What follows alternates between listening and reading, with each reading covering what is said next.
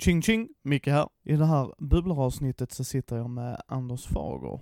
Vi pratar lite om olika grejer inom rollspel. Jag hoppas att ni uppskattar det här bubblaravsnittet. Det är ju alltid roligt att försöka hitta några nya vinklar på det. Jag gör det lite för ofta för att jag känner ju igen mina svar. Liksom. Nej men det förstår jag också, det förstår jag också. Och det var det jag uppskattar din ärlighet där liksom att nej, men jag har svarat så många gånger på uh, Spindelkonungarnas dal eller vad det heter där liksom. ja, men den, och det är ju, nej men vi kan väl börja här att, att uh, det är ju jätteroligt att ha gjort någonting som är så, så som faktiskt har betytt någonting i, i the big picture of things. Eller vad man ska säga i någon slags helhetsperspektiv. Men jag har ju ingen aning om vad jag tänkte eller tyckte om det då. Jag var ju för fan knappt född. Eh, så att eh, det, det, är jättesvårt och, och, och, och, ja, hur gjorde ni? Ja, någon sa skriv ett, skriv ett rollspelsäventyr. Jaha, ja, men då så. Och, och jag, jag vet att jag pratade, just, jag vet inte, men jag pratade med Fredrik Malmberg om det där. Hur kom det sig att det blev ja? Och jag tror att halva grejen var att jag var först klar och andra halvan var att, att eh, jag hade en flickvän som Malmberg påstod att han tyckte såg cool ut. Eh, och det är på den nivån. Liksom. Det, var ett gäng, det var ett gäng ungar. Så det finns liksom ingen plan sådär. Och jag vet att jag har frågat Peter Bergting också om det här. Hur kom du in? Jag minns inte. Det var någon, jag bara ritade någon bild och helt plötsligt så var det hela böcker fulla med mig. Liksom. Ja, för du skriver ju böcker också, eh, Anders ju. Mm, uh, det är lite min huvudnäring. Uh, och sen har du, om jag förstod det där, har du skrivit någonting till gamla Kult? Eller missförstod jag det när jag... Nej, det har jag inte gjort. Kult och Vampire the Masquerade kom eh, under en period när jag inte pysslade med spel alls. Och det var lite sådär, du vet, det hände bakom ryggen på en. Och sen var jag, någon kompis släpade med mig på något spelkonvent av någon anledning och då hade precis eh, Vampire kommit och du vet de här, jag vet inte om du kommer ihåg de här live, det var ett sånt mellanting mellan live och, och, och folk sprang runt och var osynliga. Ja, de berömda Vampire-liven ja. Ja, och ehm, det var någon period där när live var väldigt sådär in your face. Det skulle springas runt på ett konvent och, och skrikas och, och, man skulle säga ja ah, men det är ett monster. Okej. Okay. Och jag fattar väl ganska lite men uh, jag förstod för ett tag att det här Kult fanns och att det hade någon jävla liksom, jävla rykte. Och det var, det var väl intressant sen när jag blev ombedd att skriva till det, just att försöka förstå Kults rykte eller storhet. Den, den är inte, det är inte helt självklart. Nej, vi träffade ju Gunilla Jonsson och eh, Mikael mm. eh, på Gothcon ju. Och det var väldigt intressant att höra deras tankar om det ju. Mm. Och de har uh, ingen vettig förklaring de heller egentligen. Vill jag påstå. Eller har de det numera? uh, nej, men alltså de kom... Det, vi, vi fick känslan, vilket jag tyckte var väldigt trevligt, att det var ju tidens anda. Alltså det, de skrev det de ville göra. Uh, och sen den stormen som kom där var ju inte riktigt så de hade tänkt sig. Så var det ju. Nej, effekterna av det, men det, det är ju klumpiga, mark, det är klumpiga, vad ska vi säga, affärs... Vad det gäller i Sverige i alla fall så var det ju någon som bara inte tänkte när man tänker sig att ah, vi ska ha ett spel fullt med sexmagi och det ska stå på, inom, inom räckhåll för en tioåring på en leksaksaffär. Det kanske inte var det mest, mest genomtänkta av beslut. Eller jag frågade Malmberg om det där och han säger att ja, vi, tänkte, vi glömde, vi tänkte inte på det. Nej. Så, och det var ju, och det, men, sen, men sen att det här breakade så stort utomlands och att det blev på något vis Vampires onda syster. Det det har ingen någon vettig förklaring på ens idag.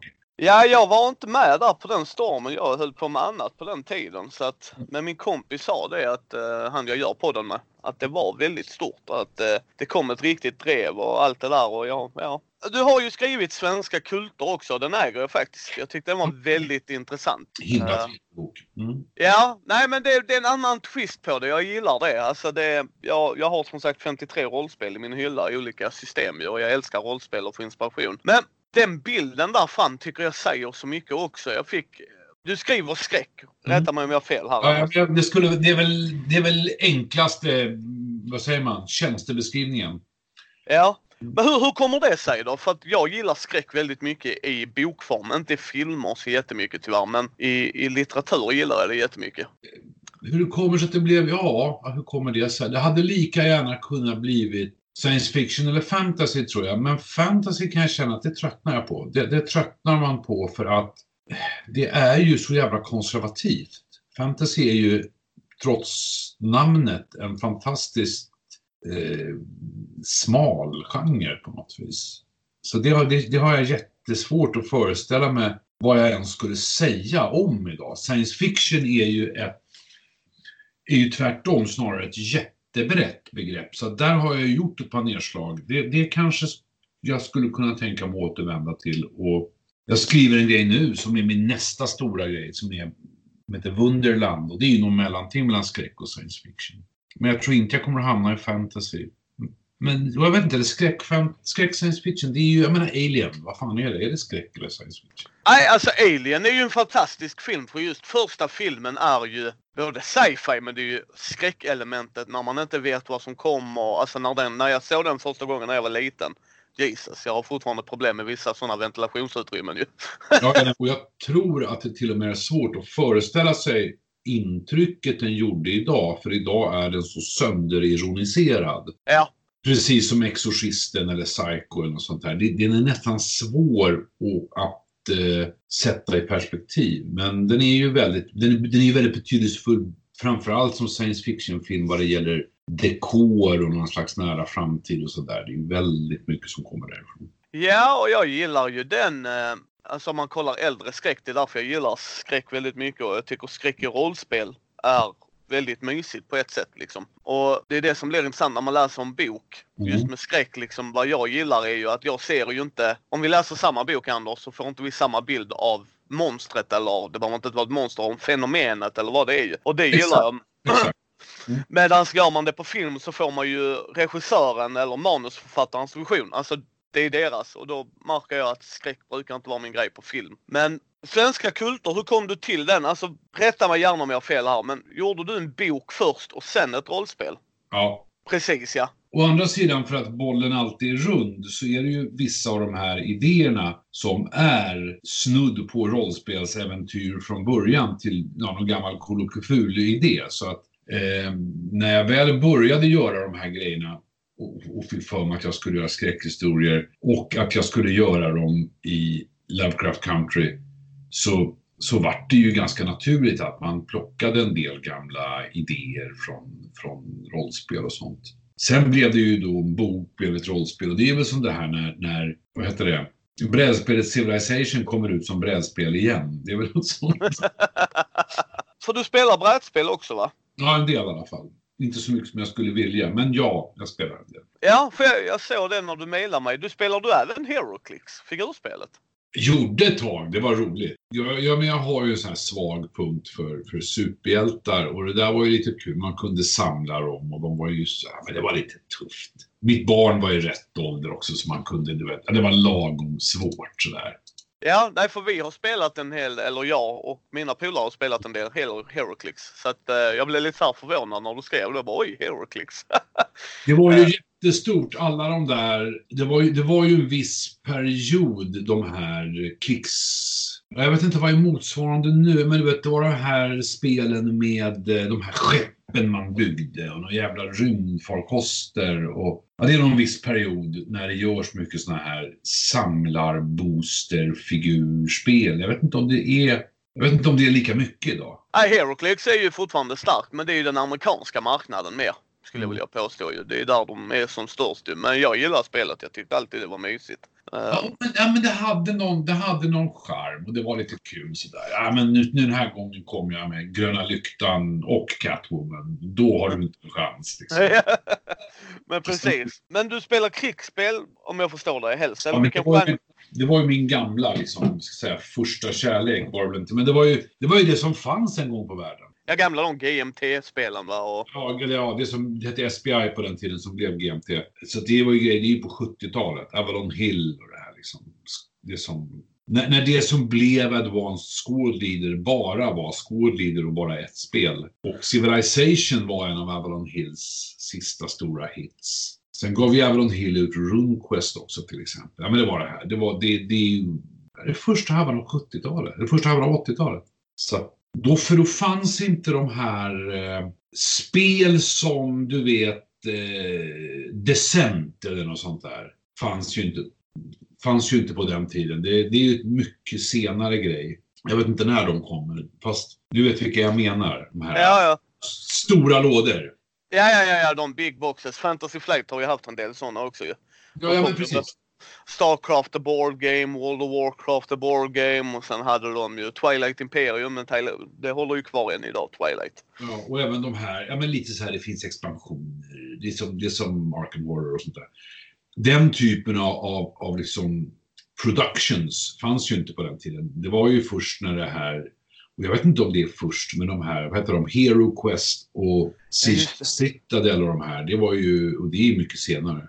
Men spelar, gillar du, spelar du nyare spel idag eller du hinner inte alls spela som du skulle vilja? Spelar alldeles för lite, eh, tyvärr. Och jag eh, spelar väldigt lite brädspel. Jag skulle vilja spela lite mer. Det är sådär så att jag spelar med, med eh, Pandemic med de mindre barnen i familjen. Liksom. Det är på den nivån.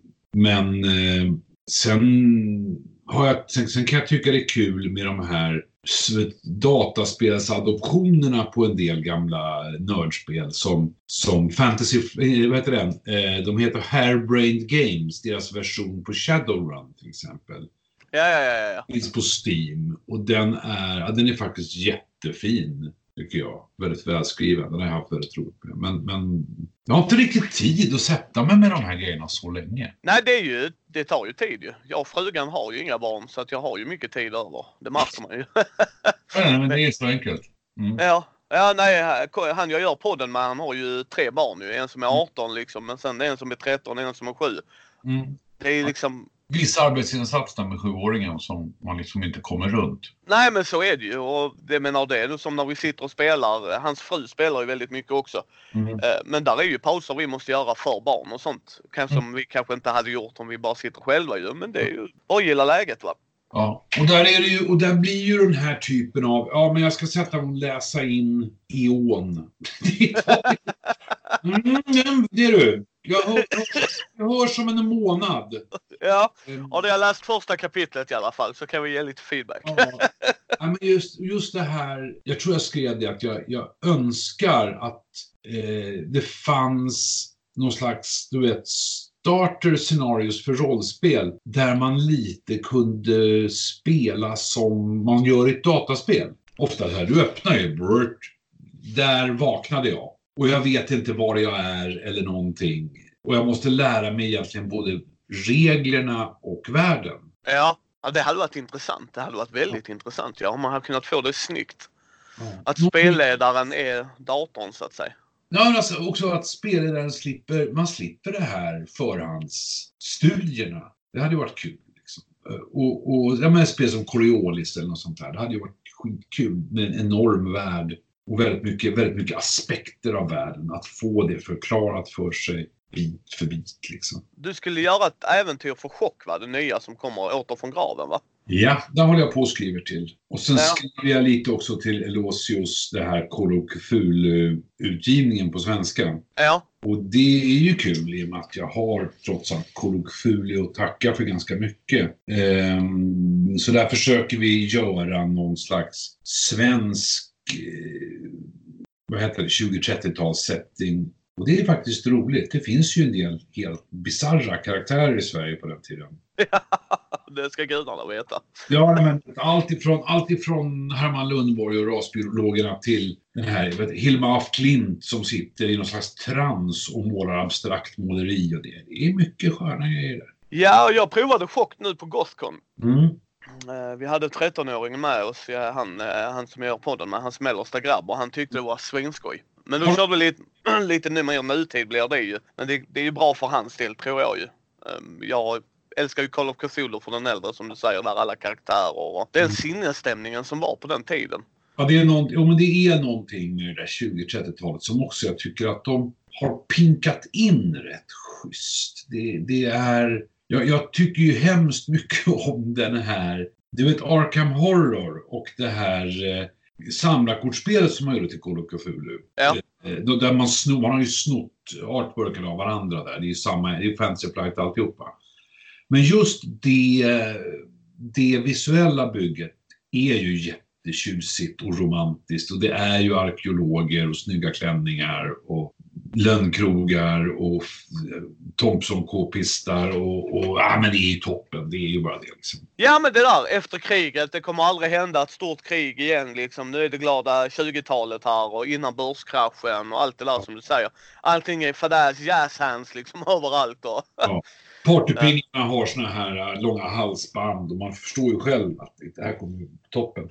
Ja. Det är jättekul faktiskt. Jag tycker det är en jättefin miljö och den är väldigt fint porträtterad. Och det kan ju vara så att den är, den är jag tycker att den är mer intressant för att den inte är glorifierad på samma sätt som till exempel vi sitter och glorifierar 80-talet nu, eller folk i våran ålder. Det är någonting med det. Ja, alltså jag, det är det jag tycker som är så intressant för jag är ett stort Chaosium-fan, det är jag. Mm. Och jag gillar ju Call of Cthulhu, men det är för att jag gillar skräckrollspel. Jag tycker det är en bra, alltså man kan göra mycket med spelarna där, att tänja gränser och på ett bra sätt liksom. Alltså så att man, man lever sig in i det. Mm. Uh, och jag håller med där liksom att Alltså jag vet inte. 20-talet liksom. Det bara känns rätt för du, du kan ju inte googla grejer. Det älskar jag. Alltså Mm. man sitter med en yngre individ. Ja men jag bara googlar så bara du det här är 20-talet. Alltså nu får du göra riktig efterforskning. Ja, men jag får riktig efterforskning. Och det, det är ett väldigt tydligt klassamhälle fortfarande. Det är, det är på något vis fortfarande så att man har stora hörlurar som är som, som du vet, som jättelika bastuber för att lyssna efter flygplan. Och, och kommer, kommer radar eller dödsstråle att bli någonting? Det vet man ju inte. Det är någonting som är väldigt roligt med, ja, det, det är lite oskuldsfullt kanske, jag vet inte. Jo men det är samma grej där. Jag läser ju väldigt mycket historia själv.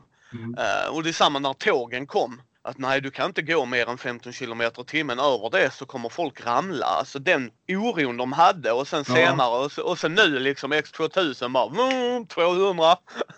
liksom. Men, Ja. Men man kan sugas in i en bildskärm. Det är ju kanske du gammal nog att veta att man kunde sugas in i en videobandspelare. Det är ju det, skräck handlar om. Liksom. Och på 30-talet, eller så här, kanske på 1890-talet, så var säkert tåg fortfarande lite otäcka. Även om de också var framtiden. Ja men så, jag, jag tror, tror det är det som är så spännande med människor. För det är det nya som oftast är otäckt. Det är alltid det jag tyckte är intressant. Om man kollar, jag snackade med polare för några dagar sedan. Flykten från New York.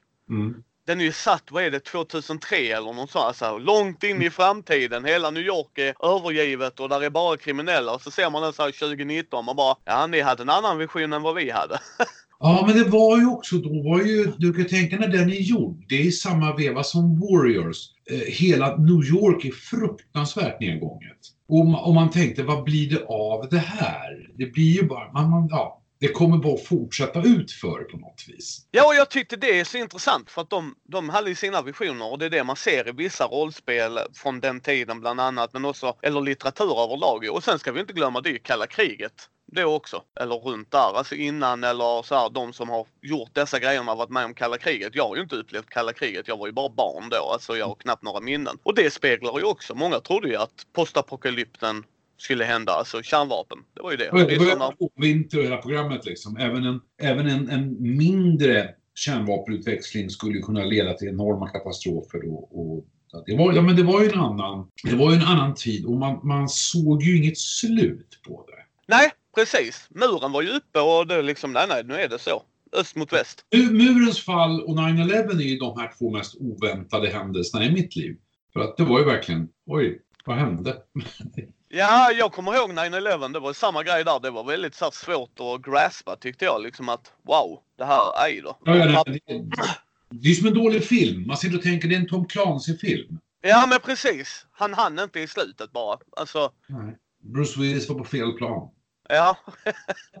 ja, han var på fel flygplats. Jävla miss. Ja, men det där är intressant. Men för att koppla tillbaks till, till det där med, eh, med eh, skräckrollspelen så är, ju, är det ju intressant att just Call of Cthulhu känns... Vi har ju pratat ganska mycket nu med att jag har varit inblandad i de här olika spelen. Att, att det är ju väldigt olika sorters skräck, chock, kult och Call of Cthulhu. Det är ju någon slags olika genrer. Och jag är inte säker på att rollspelen är så jävla olika egentligen. Vad, är din uppfattning där? Alltså, chock är mer fast paced. Det gillar jag. Det är mer upp, det ska gå snabbt. Eh, när någonting händer så ska det liksom bara pang tjoff.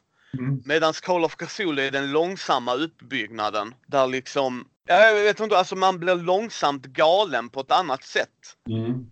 Sen kan jag hålla med dig om att Chock och Call of Cthulhu är rätt lika där. Kult har jag bara fått förklarat. Jag har inte fått spela det än. Jag var inte där då. Men min kompis sa att det var ju också något annat där med religion. var mycket involverat där ju.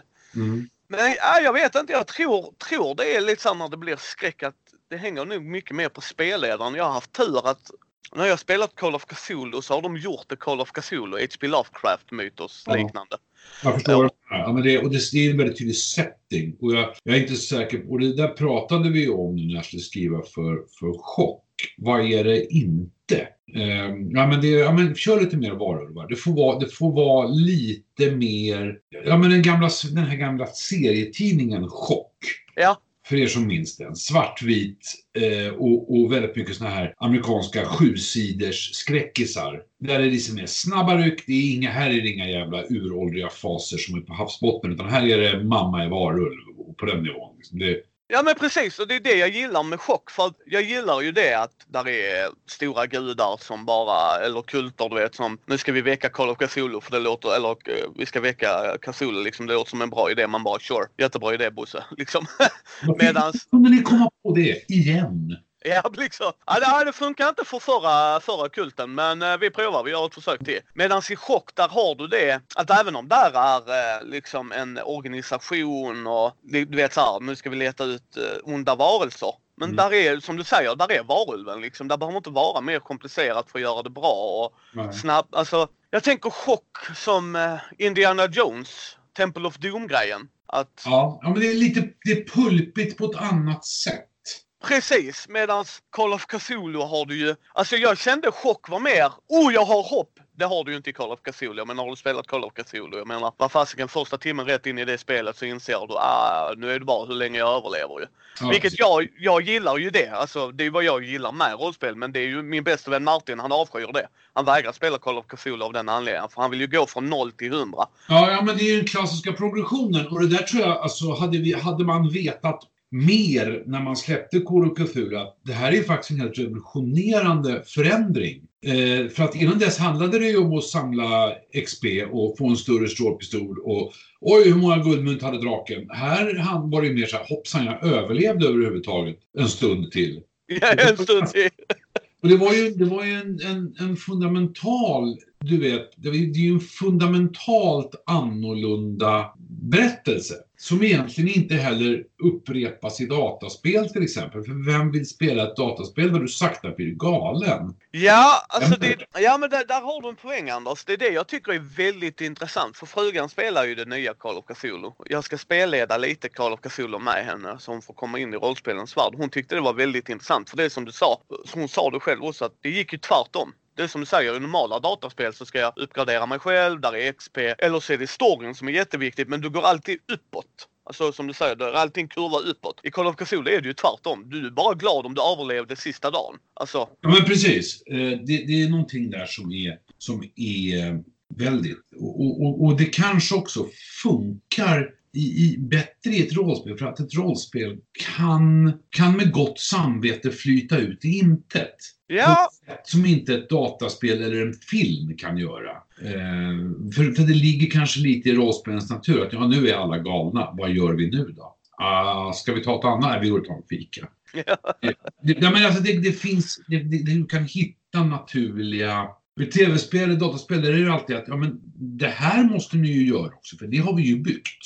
Det har vi ju betalt för. Det är liksom, Ja, ja, ja nej, men precis så är det ju. Jag, jag vet inte. Jag, jag älskar ju rollspel av den här anledningen. Jag tycker det är jätteintressant att hoppa in i andra världar. Även om jag föredrar skräckrollspel så spelar jag ju Dungeons and Dragons och det har ju sin charm, även om jag inte är så mycket för det. Men för mig handlar det ju om spelledare och gänget man spelar med, men också materialet man tar ifrån. Och jag har läst Svenska Kultar. Jag tyckte det var en väldigt charmig rollspelsbok. Alltså verkligen tagit en twist på det. jo, men den tycker jag blev, den, var, den blev bra. Och eh, vi gjorde även ett väldigt kul äventyr till den som hette Sju porträtt av Elvira Wallin. Och ja, men det var roligt. Eh, jag, jag tycker att den roligaste kommentaren jag fått om det, det är att folk säger att men du, fan, det är ju ganska kul att spela socialsekreterare.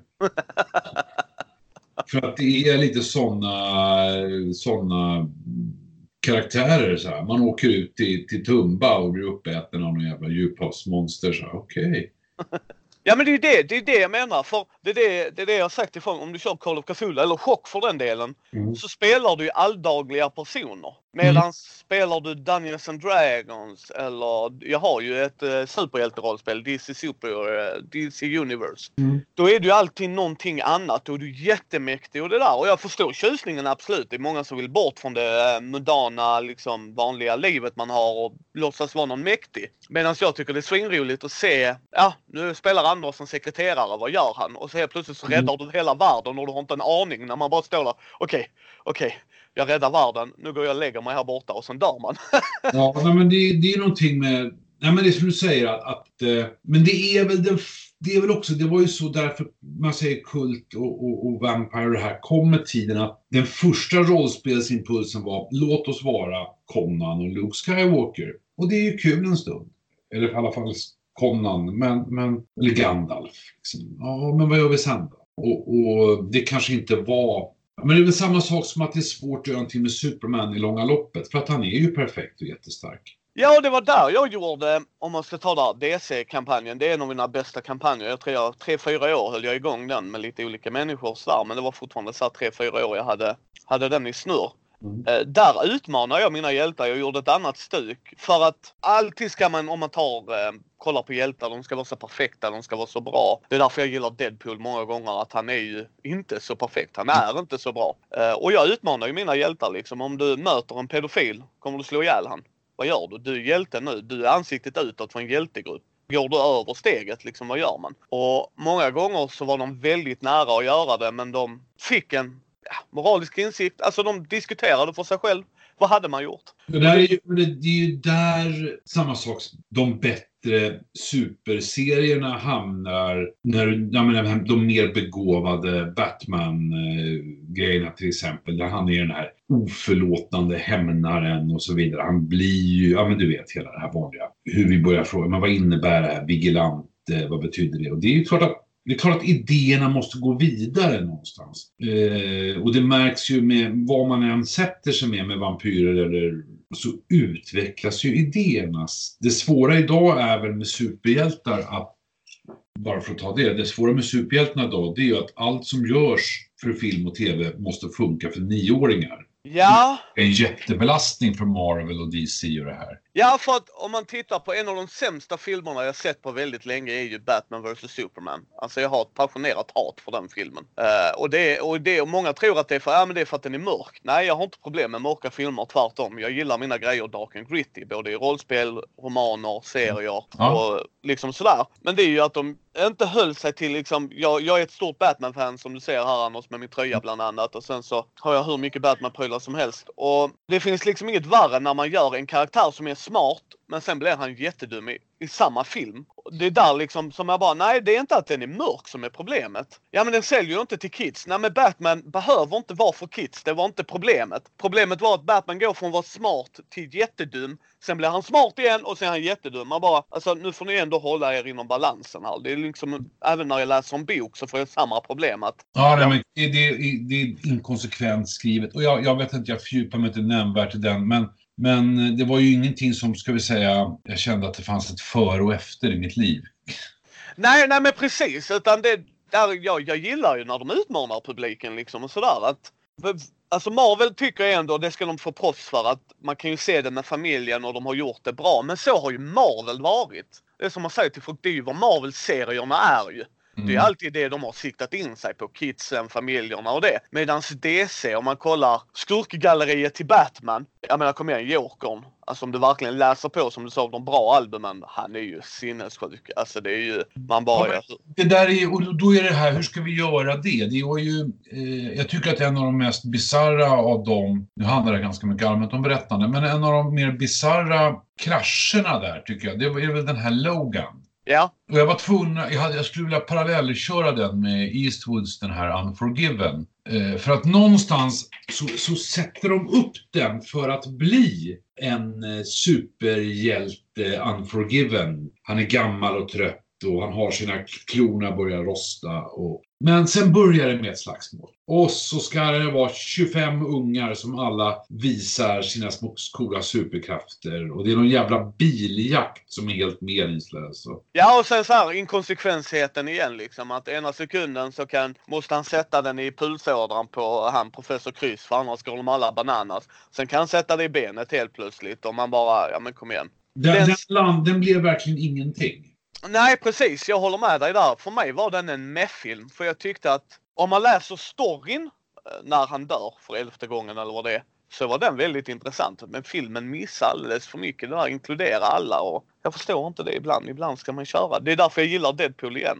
Att jag tycker de filmerna fångar han som seriefigur för han är en antihjälte. Han gör grejer för han vill göra det. Sen kanske han är god i sin natur och så absolut. Men det är inte för att, jag menar om vi ska dissa lite DC, jag, jag avskyr Stålmannen. Jag tycker det är den mest tråkigaste karaktären någonsin. Han är god för han har goda föräldrar. Man bara, ja fast han är allsmäktig. Alltså är verkligen bra uppfostran så bra? Det kanske det är men de utmanar aldrig han tyckte jag.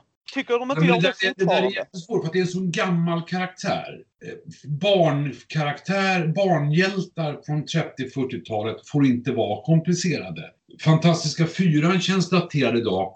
För bara det att folk var lite osams sågs som lite edgy när de kom. Ja, Man får, tänka, man får tänka ur det perspektivet. Där är väl den mest bizarra, och Batman har ju gjort en enorm utveckling. Det är för att på något vis det har funnits ett, eh, vad ska man kalla det för? På något vis har det gått att göra en massa med den settingen. Det här att, alltså det är ett skurkgalleri som lever sitt eget liv. Och det är är inte så att karaktären Batman har förändrats nämnvärt på, på 60 år, utan det är ju det här galleriet som man har byggt ut och raffinerat och vågat experimentera med. Så, och det är ju kul. Det är fortfarande roligt.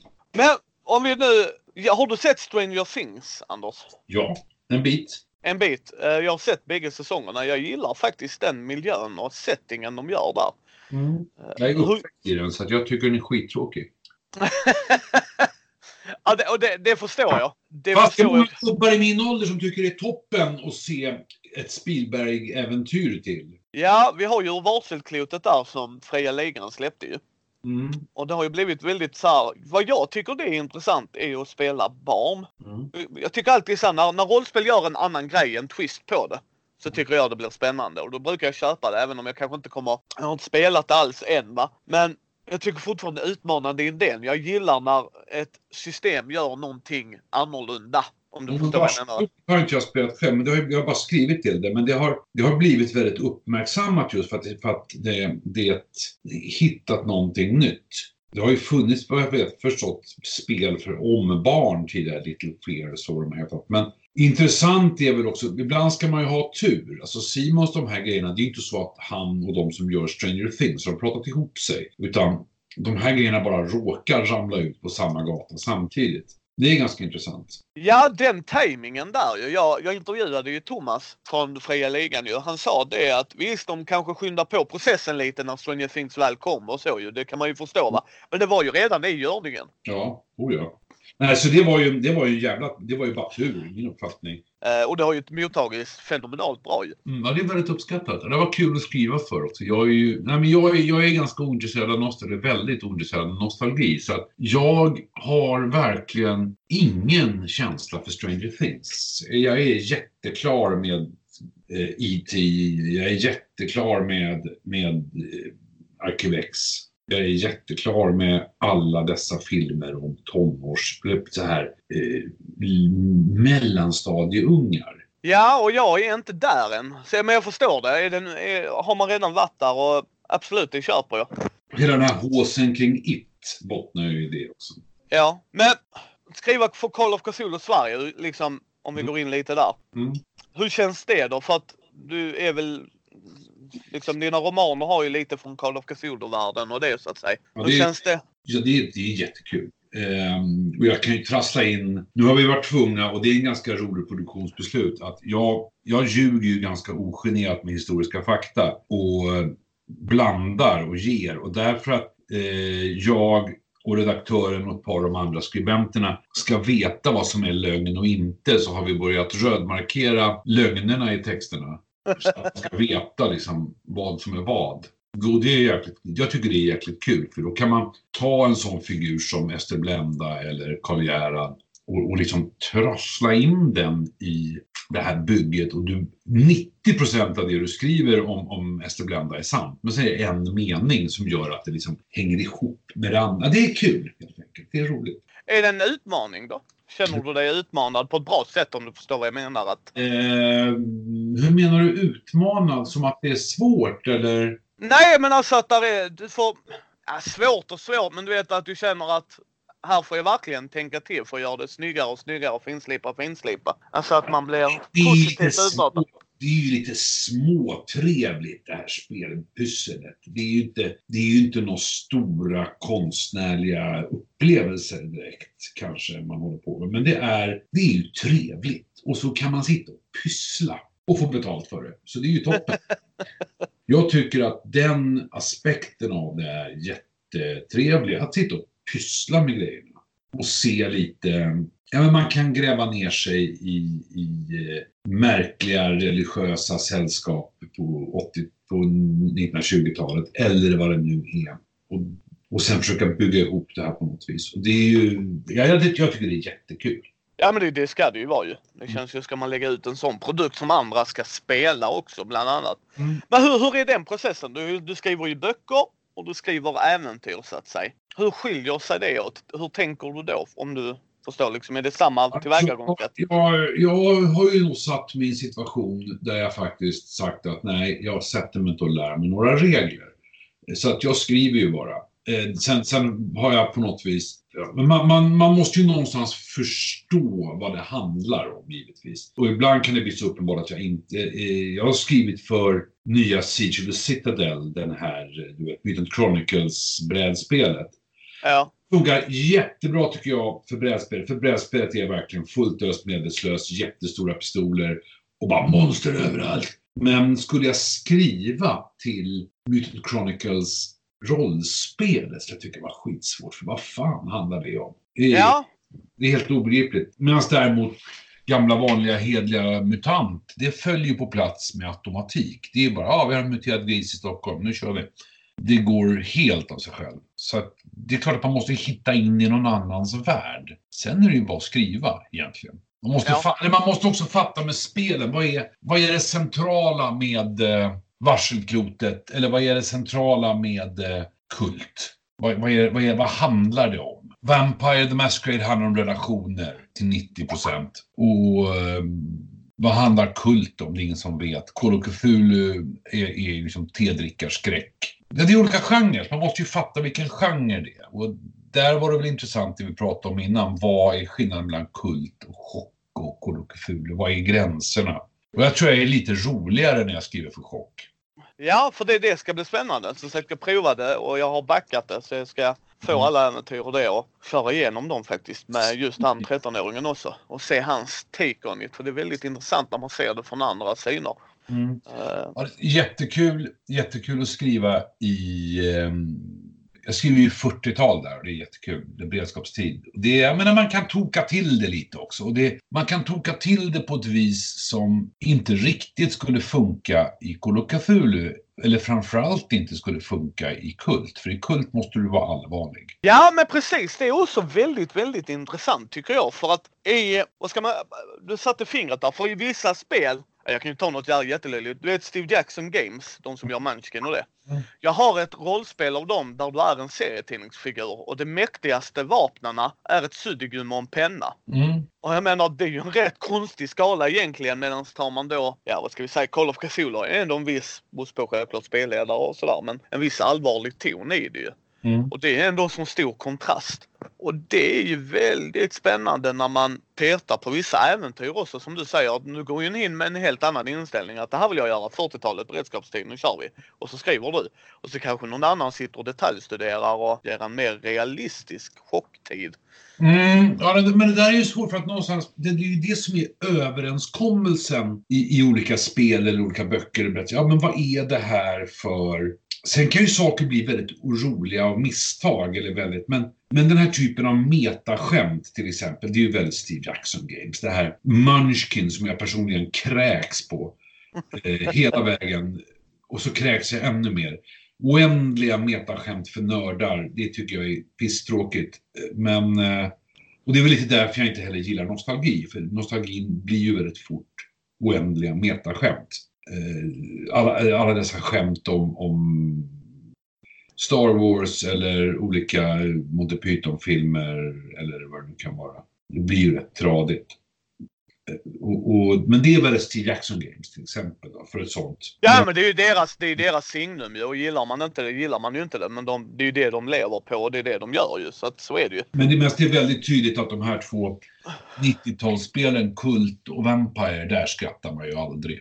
Det, det, är liksom, det är ju så jävla allvarligt och det är så blytungt humorfritt och det är så jävla svårmodigt. Och det är också svårt, det är jättesvårt att förhålla sig till tycker jag. För att jag, hade, jag kanske hade tyckt det var toppen när jag var 19. Idag kan jag känna sig, ja men för fan. Ja men så är det så Man utvecklas ju också. Så är det ju som individer. Och det är också väldigt intressant för att nostalgi, det är det man brukar säga till folk. Nu har du nostalgiglasögonen på dig. Var det verkligen så bra om du skulle titta om det idag? Och typ, jag såg om, du vet, jag växte upp där på 90-talet och det. Och jag såg ju Ninja Turtles, den tecknade då. Mm. Tänkte man, det var ju bra skit. Sen såg man om den när man var vuxen och min första reaktion var, hur jävla dum i huvudet var jag? Ja, men det där, det där kan ju hända med... Jag menar, man kan hitta på vad det nu kan vara. Man tyckte, man tyckte Poison var världens coolaste rockband. Liksom. Någonsin. Ja. eller vad det nu var. Ja. Sen kan det ju vara så att, och det här som jag sagt tidigare här, att det tycker jag var väldigt roligt med Mutant Chronicles, försöka bli klok på. För att Mutant Chronicles inser det på något vis, hur förhåller man sig till det och skriva nytt? Ja men det vart ju någon sorts Verhoeven-grej till sist. Eh, därför att de, Verhovens, de här gamla filmerna som är från den tiden, Robocop och de här, de funkar ju fortfarande. Funkar ju för, eller Starship Troopers, de funkar ju liksom i någon tokig för att där, där känd, och det här vet vi ju, tittar man på de här muskelrullarna från den tiden så varannan är ju, är ju jättebra idag. Och, och, vissa känns otroligt daterade. Det där är ju svårt, det är svårt att veta liksom. Så är det ju och jag tycker inte nostalgi är dåligt. Alltså så länge man är medveten om att det är nostalgi och att för någonstans har man ju kommit ifrån något. Jag menar första rollspelet kommer alltid vara första rollspelet för en. Så är det ju till exempel. Eh, och det tycker jag är väldigt bra och trevligt att man kan se tillbaks på det. Men problemet blir ju lite när folk hypar det för mycket för min del. Liksom att jag är ju alltid övertydlig med när jag spelar ett Batman-spel. Att eh, de ska ju till exempel eh, skinna om eh, Talisman. Du kommer ihåg det gamla, vad heter det, Games Workshop-spelet ju. Nu ska det helt plötsligt Ja, ja, nu ska det vara med Batman-tema. Och jag menar, det kommer ju inte vara ett bra spel ju. Alltså, Talisman är väl ett okej okay, mysigt spel lite då och då, en gång om året max. Kan jag väl säga med rätt crowd. Och för att det var ett slags rollspel på bräde, om jag minns saken rätt. Ja, ja, ja, det är faktiskt så jag brukar säga det. Att Talisman är rollspel på crack cocaine. För att det är liksom ingen logisk grej. Bara jag går ut här på fältet, där kommer en drake. Man bara, jaha, okej då. Eh, och nu gör de ju ett Batman-tema på det va. Men jag är övertydlig där att jag tror inte spelet kommer att vara bra. Men jag älskar Batman så jag kommer ju köpa det och lägga det i min hylla. Mm. Men vissa gånger känns det som när folk pratar nostalgi så att ja men det är fint minne och sådär. Ja, minne. Nyckelordet där vill jag ändå påstå är ett minne ju. För att jag tycker, jag vill ju alltid se en strävan framåt. Mm. Varför måste vi bara gå till det förgångna? Uh, om du förstår lite hur jag tänker. Va? Ja, verkligen. Liksom för att bra grejer förr är bra grejer. Men den första Alien-filmen är en bra film. Men sen när någon ska, nu ska jag göra min take på Alien-filmen. Varför? Den håller ju fortfarande. Alltså varför ska man göra om någonting som är redan så bra som jag tycker? Alltså nu är det ju en personlig, det är ju subjektiv, subjektivitet va. Publiken då inte har något, för, jag vet inte, det där är någonting, det finns någon sorts och det tycker jag är en del av den här nostalgiproblematiken. Det är det här jävla återanvändandet och det tycker jag är färglöst. Och jag tror att, eller jag vet, personligen så blir jag mer och mer medveten om att om alla jag känner som pysslar med att skriva skräck iar och piper och skriker och rusar iväg för att se den nya It. För att återbesöka sina minnen av boken It från 90-talet och återbesöka sina minnen av den gamla tv-serien It med Tim Curry. Ja, men då sitter man där och, och, och rullar den där bollen emellan sig som på något dagis. Liksom. Och då är det klart att Sen har ju alla en satt ihop sin bild av det här. Och det är klart att alla kommer att göra ungefär samma grejer efter det. Alla har ju samma referenser. Och det är ju också ett sätt att bli ganska förutsägbar. Eller populär. Eller både. Ja. Så att jag försöker väl undvika den typen av, av, av eh, Åh, du måste se det här. Ah, nej, men jag ser det här istället. För det här har jag ingen aning om vad det är. Jag går på meme-föreställningar och konstigheter som min fru jobbar på Dramatiska högskolan. Nu går vi och ser konstiga experimentella elevfilmer. De så här, jag fattar ingenting många gånger. Men ja, det var ju det är andra intryck än att se andra säsongen av Stranger Things. Och det tror jag ger den ett visst övertag. Ja, men så, så är det ju också. Och jag menar, nu när du skriver, du skriver ju ändå rollspel och har gjort lite till och från. Du skriver även böcker ju. Mm. Känner du att det finns någonting som, här går man aldrig? Alltså en tabu. Förstår du lite hur jag tänker? Va? Att vi kan skriva om det här eller har du suttit och skrivit en grej och så här kontemplerat, kommer det här gå över så som jag har tänkt mig? Eller är det bara jag eller? Hur menar du? Jag var, var inte det två olika frågor? Ja, nej men alltså om du har, tror du där är någonting som du inte skulle kunna skriva om i rollspel? Tror du där vi har något tabu Ja. i rollspelskulturen? Liksom att det är okej vi skriver om det här men aldrig det här. Ganska många... Alltså det handlar också om vad som funkar och inte i rollspel. Eh, sex och droger funkar rätt dåligt i rollspel. Alltså blir det svårt att nalkas sådana ämnen. Eh, du, kan, du kan spela de moraliska konsekvenserna eller konflikterna som uppstår av en helgs fyllknullande. Men själva fyllknullandet är inte så kul som rollspel. Nej, det, det, det blir ju väldigt svårt att göra. Ja. Och det, men det är ju så, vissa medier är bra på olika saker. Och det är, tycker jag, väldigt tydligt att sex blir jävligt fjompigt i rollspel. Eh, och då kan man liksom, då måste man runda det på något vis. Och jag kan tycka det kan bli extra roligt då i de här eh, lite erotomana Vampire och kultvärldarna där det hela tiden ska ältas nakenhet och porr och tuffa läder-BDSM-grejer. Att ja, ja, ja, ja. Hur mycket pansar ger den här läderkorsetten? And be done with it. Liksom. Det, och sen, jag vet inte, det är lättare som vi var här i början och kanske att skrämma slag på folk i text. Därför att det lämnar ju mer utrymme åt fantasin. Och vissa grejer, stora monsterfighter med superhjältar och Godzilla, är, funkar bäst på film. Det är ju liksom så. Ja men så blir det ju och det är det jag tycker är intressant för att där är vissa grejer, precis som du säger, det är det jag tycker är intressant. Man kan nog ta upp det mesta i rollspel så länge man gör det bra. Mm. Precis som i allt annat medium. Jag tror du kan ta upp det mesta på film så länge det blir bra eller i en bok så länge det blir bra. Problemet... Alltså, få det att funka, det är inte med med det. Men Nej. kanske däremot blir för en smalare publik också.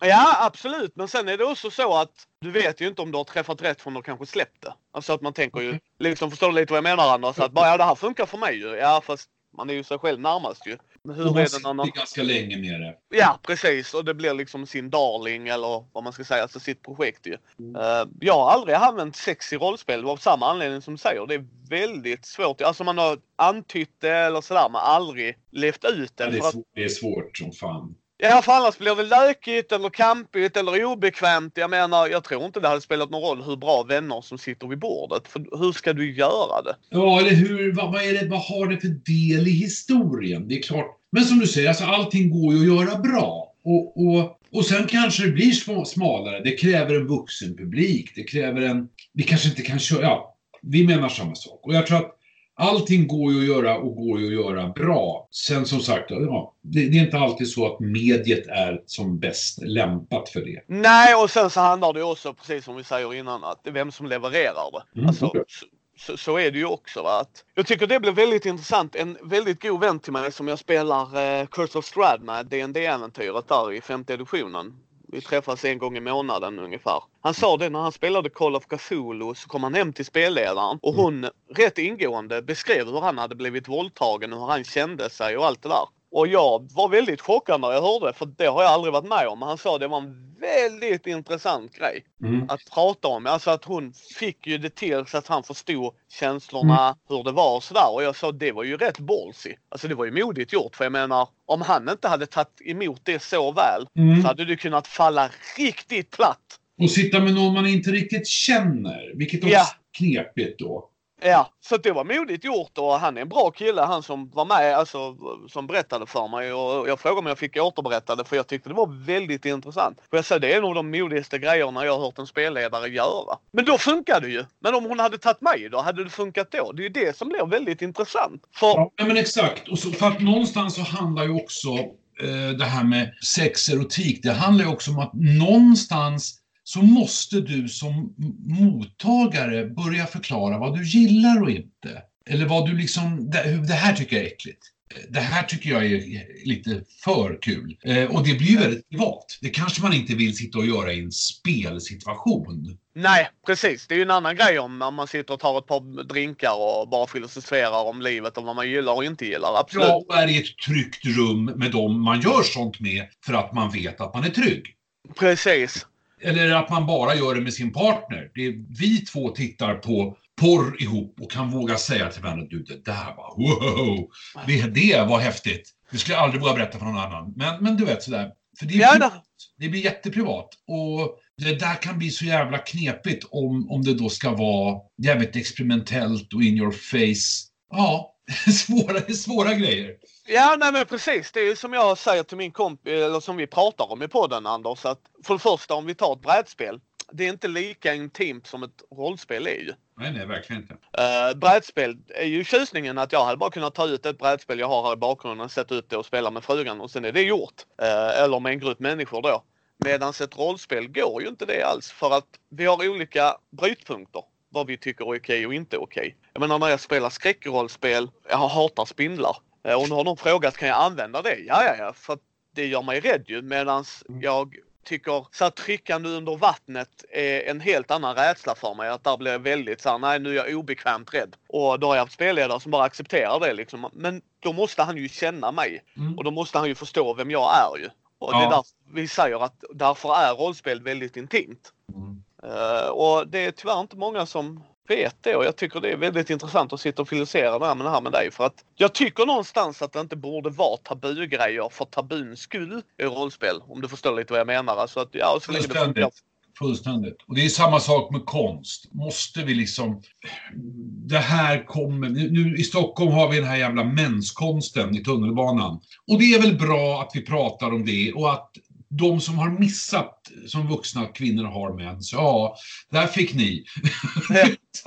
Men ja, ja, ja, det måste finnas roligare. Det kommer, vi, vi kommer att vara över det snart. Liksom. Att, och att äldre män är fula nakna, ja det är de. Det har vi också sett i tunnelbanan nu ett tag. Ja då, jag vet, jag ser mig själv i spegeln. Men eh, det blir lite så här, var det något tabu eller var det bara någonting vi var tvungna att klara av? Det är också lite svårt tycker jag. Ja men det är ju det som blir intressant. Vi, vi pratar väldigt mycket om i podden att framförallt i rollspel kommunicera med varandra. Och där ligger, där ligger det ju när du närmar dig live och friform har jag förstått att där finns det ju i, i lajvandets, vad ska man kalla det för, lite mer hemliga undervegetation. Där finns det ju grejer som, som tangerar mm, rena psy psykologiska experimenten eller eh, vad ska man kalla det för, uthållighetsövningar eller någon slags sextrippar. Det finns ju det ena skummare än det andra. Liksom. Och, och, men det kräver, ju, det kräver ju regler och en jävla social kontroll och att inte fel människor hamnar i det givetvis. Ja, och sen att man är tydlig med det sociala kontraktet. För så Verkligen. jag tycker som spelledare är jag ju övertydlig. Mm. Och jag pratar med mina spelare efteråt om de tyckte att någonting var liksom för hemskt, för jobbigt, var det något mm. som tryckte. Jag har ju, jag gjorde en egen värld till Dungeons and Dragons. Mm. För jag kunde inte den gamla världen där alls. För att jag växte inte upp med Dungeons and Dragons. Jag gjorde massa annat istället. Mm. Uh, och då var där en by de kom till med slavar. Mm. Alltså, och, och då frågade jag mig, är det här normalt? Nej, nej, där ni bor i den andra delen av världen är inte slavar normalt. Och då hamnade de i ett läge där en ung tjej ja, 13 års åldern, 13, 14, 15 års åldern. Hon jobbade där på innet de kommer in i. För, ja. och, och så anspelar jag då på att hon går upp då med en man och sen kommer hon ner mer ledsen och då förstår de ju vad som har hänt. Mm. Men där utmanar jag mina spelare för jag vill ju se och en av spelarna vill ju slå ihjäl den mannen ju. Det är mm. helt naturligt liksom, jag förstår det. Då fick de andra stoppa den personen liksom och säga bara ah, alltså vi är en i ett samhälle där det här är okej. Vi förstår hur du känner va, men slår du ihjäl han nu så hänger vi i slutet på dagen. Och det, Ja. där är, det där är ju en annan sån intressant grej när vi, när vi försöker skildra äldre och ofta fruktansvärt brutala eror med något slags nutidsfokus. Vikingarna var minsann inte rasister och sånt där jävla trams. Och för att det är ju för att någonstans vi vill kunna leka i den här lådan utan att fundera över just det du berättade. Att man hade slavar och vad innebar det? Eh, och hur förhåller man sig till att man äger en viss grupp av människorna på gården? Det här har du som barn växt upp med. Att Tor Alf, det är pappas ägodel. Och lever fanskapet länge nog så blir han min ägodel. Ja, Ja, och det är det som var intressant för då pratade jag ju med, med personen efteråt och frågade var det här okej? Var det liksom går för långt? För att det är helt okej att personen tycker att det är för långt. Alltså att nej, det var jag inte bekväm med. Va? Eh, men det tyckte inte personen alls utan personen tyckte att det var väldigt intressant för då fick de tänka på det precis som du säger Mm. Anders. Eh, för, att, för, att, för att han inkeepern, han såg ju inte att han gjorde fel. Nej. Som du säger, det var hans ägodel. Det är så det funkar och så är det. Eh, och det är det jag brukar vilja göra med mina spelare. Inte alltid och det ska inte bara vara dark and gritty och utmana dem. Men ibland vill jag göra det bara för att se hur de reagerar. Det här, gör det här är ju intressant när du ser till exempel tv-serien Rome. Eh, där man faktiskt har gjort sig... Där man faktiskt inte bryr sig om att ha en sympatisk karaktär som tycker att det är jobbigt med att det finns slaveri. Utan där tycker alla att slaveri är helt okej. Eh, vilket även de sympatiska karaktärerna tycker slaveri är helt okej. Och det är ganska intressant för att eh, det ger en dubbelnatur åt figurer. Ja men det är också ett perspektiv tycker jag som är intressant. Jag har aldrig, aldrig haft några problem när några har sagt det här är inte för mig. Alltså nu, nu, nu är det för, för nära mig. Va? Jag lyssnade på en podd i USA bland annat där de hade kört, där är ett Fantasy Flight-spel där du spelar dig själv. Mm. Alltså jag spelar med Mikael och du spelar Anders. Och då sa den killen till spelledaren, du får inte blanda in mina barn för då lämnar jag. Det, det är för nära. Och det Mm. tycker jag är okej att säga. Alltså då är det ju bara att det, så funkar det för den individen liksom att nej, där, mina barn får vi inte blanda in. Resten kan vi köra på polare och sådär. Eh, men det är där jag säger till folk, kommunikationen blir jävligt viktig då. Att man är övertydlig vad man gillar och inte gillar. Och för, för det som funkar i min grupp kanske inte funkar i din grupp och vice versa va. Eh, Ja, men visst, visst vi, menar, vi menar samma saker. Och det här är ju egentligen, det, det, är, det är ju det här som är bredare eller smalare kultur. Att, att, jag, menar, jag kommer alltid att sälja mindre än Mats Strandberg, för Mats Strandberg är gladare och snällare än mig och, och mer lättillgänglig. Och det, ing, ingen kommer att äta upp en kille i, i någon av Mats böcker medans hon ligger med honom. Men det gör man i mina böcker. Och, och alltså kommer inte det tilltala lika många det är inte konstigt. Liksom. Det är inte synd om mig för att jag har gjort det valet. Utan så är det ju bara. Att, att vissa grejer är lite, vad ska man säga, ha, svårare att sälja. Så är det. Ja, och så är det ju. Men jag tycker alltid, det, jag, jag vet inte hur du är, men jag gillar ju att bli utmanad som person. Att Ja, men visst är lägger- det så. Jag menar, det är väl därför man kanske försöker undvika eh, den här nostalgishowen. Eller för min del då, ja men mycket jävla standardgrejer. Och sen kan det ju vara så att utmaningen faktiskt inte är en utmaning, utan det bara är en jävla... Eh, ja, ja, ja, ja, ja. Det, det, är ju, det där är ju... Eh, det blir ju också en rutin. Jag menar hela hipsterkulturen handlar ju om att allting ska vara så tillkrånglat som möjligt utom känsloliv. Att man måste prata i tio minuter om en öl innan man dricker den. Det, det är ju också ett sätt att, att jag vet inte, det är ju som någon sorts gammal överklass. Vi pratar inte om varandra här. Här pratar vi om, ja, hur går bilen? Hur smakar humlen?